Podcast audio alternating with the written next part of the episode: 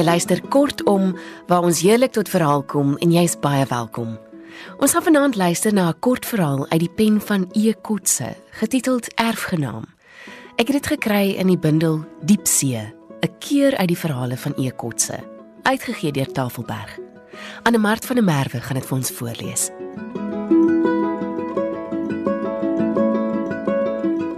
Lank voordat Fonsie die gesig op die plaaspad teëgekom het, was sy ma al van plan om hom onerfgenaam te maak.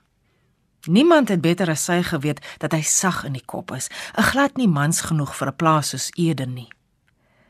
Van kleins af was hy bang vir allerlei goeters. Die meeste het net in sy gedagtes bestaan, maar was ewe skrikwekkend as die werfdiere met hulle uitermate lang horings en skerp snavels. Ondanks die sweepie wat sy hom gegee het om hom te verdedig teen 'n parmantige hoenderhaan of stoterige haaskaap, sou hy nooit 'n held word nie, soos sy oupa Rigter wat in die Anglo-Boereoorlog geveg het. Sy knie het geknak as die onweer net ver af rammel en as die donders en blitse slaan, het hy gereed vir die slag wat hulle huis sal tref in die houtkus voor die stoof skuilings gesoek.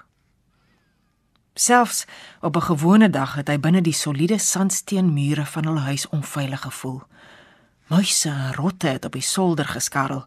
Uils kuikens het so slange geblaas en in hulle wegkruipplekke agter lyste het kakkerlakke hulle pootjies sit en lek.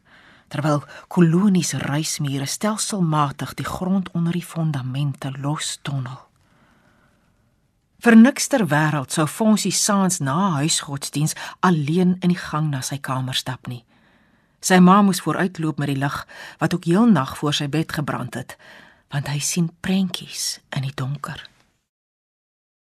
Deur stomp geknerste tandjies kon hy eers geen woord uitkry as sy ma hom vra wat dit is nie. Net so min as wat hy kon vertel wat sy uit die dik Hoog-Hollandse Bybel voorgeles het. Benevel deur die put van die olielamp, het hy stom geknik en probeer om nie te onthou nie. Die mites van Adam en Eva in die paradys, Noag se ark, Moses in die bissiemandjie, Daniël in die leeukuil, Samson, Goliat, Josef die dromer. Daar op sy veilige sitplek in die warm kombuis kon hy nog aan die tekens en wonders en rampe ontkom. Maar wanneer hy sy troebeloë toemaak, is hy besoek. Hoe diep hy ook sy kop onder die kussings inwoel. In sy ore was daar die geluid van ramshoring en simbaal. Mure het ingeval. Vuur en swavel het brandoffers en slagoffers verteer en uit die wolke het gevleelde gedaantes neergedaal omstraal van 'n onaardse lig. Soggens was hy stokflou en kragteloos, verkrimp soos 'n ou mannetjie. Hy het natuurlik 'n groot skrik weg toe sy pa so vroeg in sy lewe deur die weerlig getref is. Is 'n genade dat hy niks gesien het nie, maar 'n swart streep het nog lank oor die werf gelê, in die reuk van kruit het tot in die huis getrek. En wat hy nie miskien daar in die houtkus moes aanhoor nie, van die swaard wat daar nou oor Eden hang, nou dat Els alleen agtergelaat is met die stomme klein fonsie. Sy wêreldjie wat doodgeloop het in die poort tussen die twee sandsteenkoppe was de mekaar. Die plaaskom was die speelveld van sy verbeelding, sy Kanaan en Gilgal en Getsemane. Nader aan sy lyf by die pilare van die tuinhek het 'n engel nou met 'n vurige swaard gedreig om hulle uit die paradys te verdryf. Dis tyd dat hy uit daardie houtkus kom, het sy ma besluit, die dag toe hy 9 word, in hom skool toe gestuur. Daar het hy dit nie ver gebring nie. Die naaste plaaskool was ver en omdat hy op 'n perd se rug nie wou klim nie, moes hy die end loop. Langs die pad het 'n duisternis gevaar op hom lê wag vir al die giftige bergadders. Selfs in die winter, wanneer die slange stokstyf verklein was, het Fonsie 'n knop kierie saamgedra. Al sou hy 'n muis nie kon doodgooi nie. Daar het 'n vroegtydige einde aan sy geleerdheid gekom toe die kinders se slangvel in sy boeksak steek en sy senuwees heeltemal ingee. Daarna is hy vir goed huis toe. Vir sy ma, wat die uitgebreide boerdery so goed sy kon behartig het, was hy nie veel van nut nie. Al was hy toe al 'n uitgegroeide kerel. Die koeie was lankal gemelk, die skape uitgejaag en die werkers op die landerye as hy uit die kamer kom. Want snags kon hy nie tot rus kom nie. En het hy van venster tot venster gedwaal in deur die gordyne wat so toegetrek was dat hy van binne af kon uitloer die werf bespied. Al het hy hoe lank reeds nie meer na Bybelstories geluister nie, was hy steeds bang. Bedag op vreemde spore het hy soggens om die huis geloop en die vars muurshope een vir een in die grond getrap. Eers wanneer hy verseker was alles is veilig, het hy na die windlaaier langs die reservoir gestap en die draad losgemaak sodat die radio se battery kan laai. Mense het nie dikwels op Eden gekom nie en later al hoe minder Sy dag was fanaties ingestel op die 6 uur nuus saans.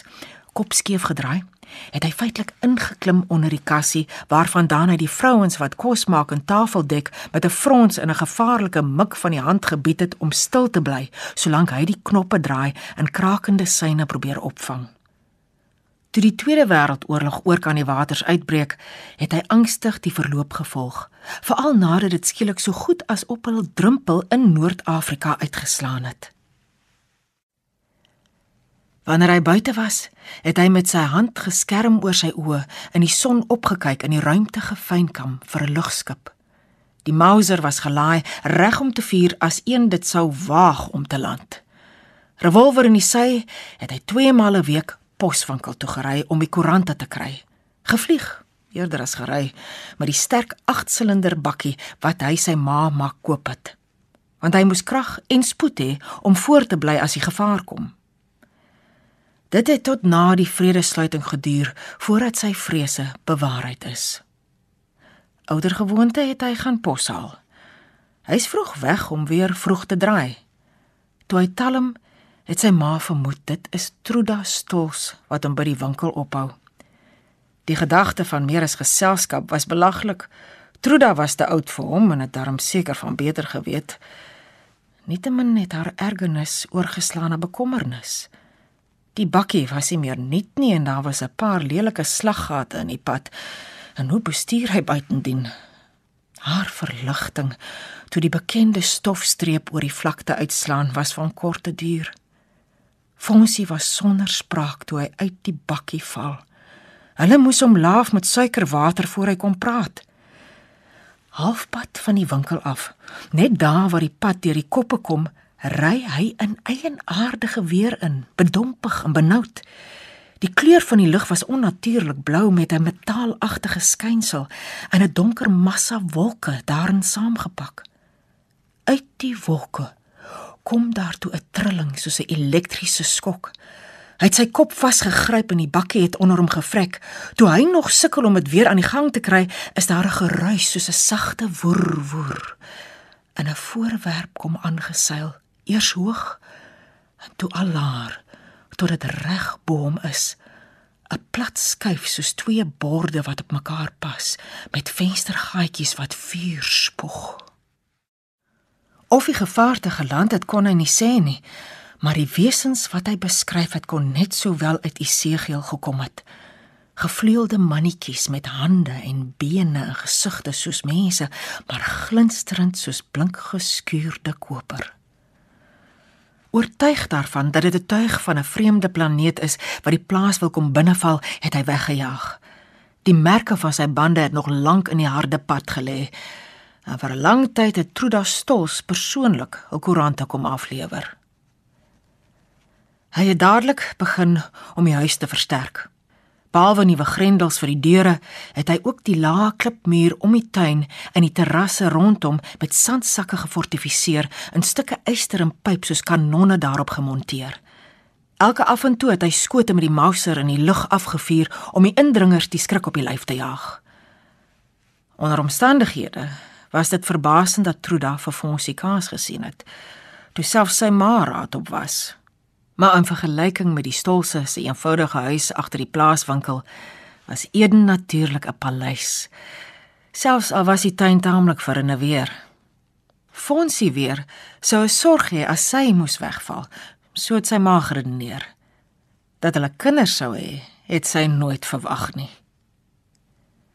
Fonsie en Truda se seentjie het hulle Alfons gedoop, na sy oupa en grootjie Hy was van geboortedag af lewendig. Hy het sy arms en bene losgewoel en geskop uit die stywe flennie komberse waarin hy soos 'n papie in 'n kokon toegedraai was. Gulsig gedrink en hom baie vroeg reeds aan goed opgetrek en gestaan. Met sy fonkelende blou oë en swart krulle was hy 'n egte regter. Sy ouma sou hom nooit op Eden se werf sien rondloop nie. Hy was 'n kruipkind toe Els Rigter eendag stil in haar slaap sterf voordat sy haar testament in sy guns kon verander. Aan die leefwyse op Eden sou dit geen verskil maak dat Fons toe baas van die plaas was nie. Gewoond aan sy ma wat besluite neem en voorvat, het hy dit op Truda afgeskuif. Maar hoewel Flix het sy nie die nodige kennis van die groot gemengde boerdery gehad nie. Sy het haar eie pa wat sy niks werd grondjie verhuur het, se voorbeeld gevolg. Potlood en papier gevat en uitgereken wat hul inkomste sou wees as hulle Edense landerye verhuur tot tyd en wyl 11 oud genoeg is. Sy het dit by die seun ingeprent dat hy eendag besitter van alles sou wees en hom so goed moontlik daarop voorberei. Vereers sou hy nie soos Fonsie in afsondering groot word nie. As kerkmens het sy Sondag dorp toe gery en dan met die groot bloesende baba in 'n pofbroekie en gesmokte hempie gespog. Sulke besonderse oë en die boshare. Selfs Fonsie moes ingetoe lag as die mense sy seentjie so bewonder. Maar met verloop van tyd het daar 'n woord hier en daar geval en het iemand hardop gewonder het die woelige kind nie kleintyd dalk uit sy wieg geval en op sy kop beland nie. Dit het Truda tot op die laaste ontken. Nietemin was hy stadig met 'n pratery en was die gelispel later nie meer vermaaklik nie. Die spraakgebrek het nie verhinder dat hy op 6 na die plaaskool gestuur is nie. Net soos sy pa het hy die end gestap omdat hulle toe nie meer 'n perd besit het nie. En net soos Fonsie het hy swaar geleer sodat Truda hom met die lesse moes help. En dit het sy nou lettend gedoen. Smiddag, wanneer hy rooi en nat gesweet by die huis kom, het Truda hom skaars kans gegee om sy boeksak oor sy skouers te stroop en sy bord kos te eet voordat sy die ry botteldoppies op die kombuistafel uitpak. 1 + 1 is en 1 + 2 in 3. As hy by 2 + 3 begin sukkel en hakkel, draai sy daardie oorlel dat die trane stroom en sodat hy verniet asseblief tog mamma. Al haar pogings ten spyt, het hy in standaard 3 bly vassteek. Die skooljuffrou het aangeraai dat hy na 'n skool vir spesiale onderrig gestuur word, maar hy was reeds 16. En onverwags het Fonsie voet neergesit. Sy kind word nie gesertifiseer nie. Alf moet huis toe kom. Fonsie het toe nie meer dikwels uit die huis gekom nie. Sy sitplek was nou langs die houtkus. Vir altyd in die ryperige winters het hy tot op die middag onder die vere kombers gelê en eers kort voor etenstyd toegeknoop tot onder die ken kombuis toe gekom waar Truda vir hom 'n vuur moes aansteek met die hondjie, 'n steekbaard wat by hom slaap ingewoel onder sy baadjie, het hy vir die res van die dag daar gesit. Sy oë die troostelose kleur van skottelgoedwater. Namiddag, wanneer die kole begin as word, het hy stram opgestaan. Nee, so kan dit nie gaan nie. Dit kan 'n man nie hou nie, het hy dan uitgeput gesug en begin om die deure te sluit in die dreigende donker daar buite. Een was toe reeds 'n uitgetrapte plaas. Uitbuiters het die grond misbruik en uitgeput en dit toe die huurtermyn verstreke was, net so gelos. Die Augustuswinde het duiwelsdanse oor die vlakte uitgevoer. Die oorblywende skape het brandsiek en lusteloos aan die verdroogde weiding gepesel. Die windpomp, meestal buite werking, het net genoeg water gestoot vir die huishouding. Die windlaaier het sy vlerk verloor. In 'n eens deftige rooi dakhuis waar die rigters van vroeër soos landheere geleef het, was aan die verval. Byna geen ruit was meer heel nie en die gate was toegeplak met karton en plastiek.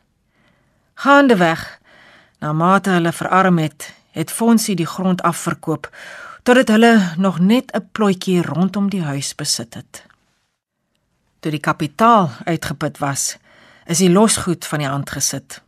Selfs kosbare meubelstukke is verpand, die silwer en eindelik tant Else ringe en borspelde. Hulle het hoofsaaklik geleef uit wat Truda verdien het met die hoenders en die paar beeste op die stukkie berggrond wat haar pa vir haar nagelaat het. Dit en Alf se pensioen. Alf het net tot in 'n stadium gegroei en toe gaan stil staan.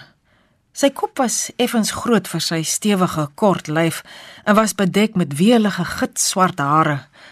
Ook sy swart krulbaard was ruig, sy wenkbroue swaar, die blou oë intens en kinderlik. In sekere opsigte sou hy altyd kind bly. Gevolglik was hy op 'n welsynspensioen geregtig. Sy ma het die aansoekvorms gaan invul. Hy het self in die ry by die poskantoor gaan staan. Die handvol geld wat hy daardie eerste maand ontvang het, het sy ooppiepulle tot swart spelde stippels laat krimp en styf toegeknoop in 'n sakdoek het hy dit in sy binnesak gedra. Wanneer hulle eenmaal in die maand dorp toe ry, is dit steeds met die ou 8-silinder bakkie wat nie meer oor die krag en spoed van voorheen beskik nie. Fonsie hou steeds die Mauser gereed agter die karkussing, maar sonder patrone. Tussen hom en Truda sit Alf breed. In die winkel volg af sy ma soos 'n skaduwee. Hy betaal net vir sekere goed, die broodnodige kruideniersware en ook vir die drom diesel wat hulle by die koöperasie gaan volmaak dis vir die kragopwekker. Hulle deesdae elektrisiteit. In die plek van die ou radio het hulle 'n televisiestel aangeskaf. Elke aand wanneer die diesel-enjin in die melkkamer aangeskakel word, gebeur 'n wonder. Die groot halfleë voorhuis word helder verlig tot in die verste skemerhoek. As die eerste prent op die skerm verskyn, kom skuif funksie in oop oog en oop mond met die hondjie styf teen hom aangedruk vir warmte, volg hy die programme. Die sprokiesagtige voorstellings van Rooikappie en die wolf, die drie varkies, goue lokkies, sneeuwwetjie. Terwyl Truda haarself nuttig besig hou met stop of breiwerk, maal af sy kwota harde suiglekkers vir die aand deur. Dan as hy die laaste papiertjie opgevrommel het, kyk hy op die horlosie. Met flitsende oë, asof daar tabelle syfers agter sy kykers verbyskuif, steek hy sy hand uit en skakel die kragopwekker af. Dit skeel hom min dat 'n prent in die helfte afgesny word. Die tyd is om. Hy het dit so uitgewerk. Net soveel diesel per aand om tot die einde van die maand uit te kom. Sy ma het hom nie verniet leer lees en reken nie. Buitendien is dit sy goed. Hy betaal daarvoor. Hy is baas daarvan. Aan die koorsagtige geskarrel na vierhoutjies om 'n lig aan te steek, steur hy hom nie. Ook nie aan die hondjie wat fyn angsgeluitjies onder Fonsie se baadjie uitlaat ontsnap nie. Vreesloos stap hy vooruit. 'n Bonkige dwerg met 'n pelshare wat in sy nek afkrul. Lantern in die hand. Die donker spilonk van die nag in.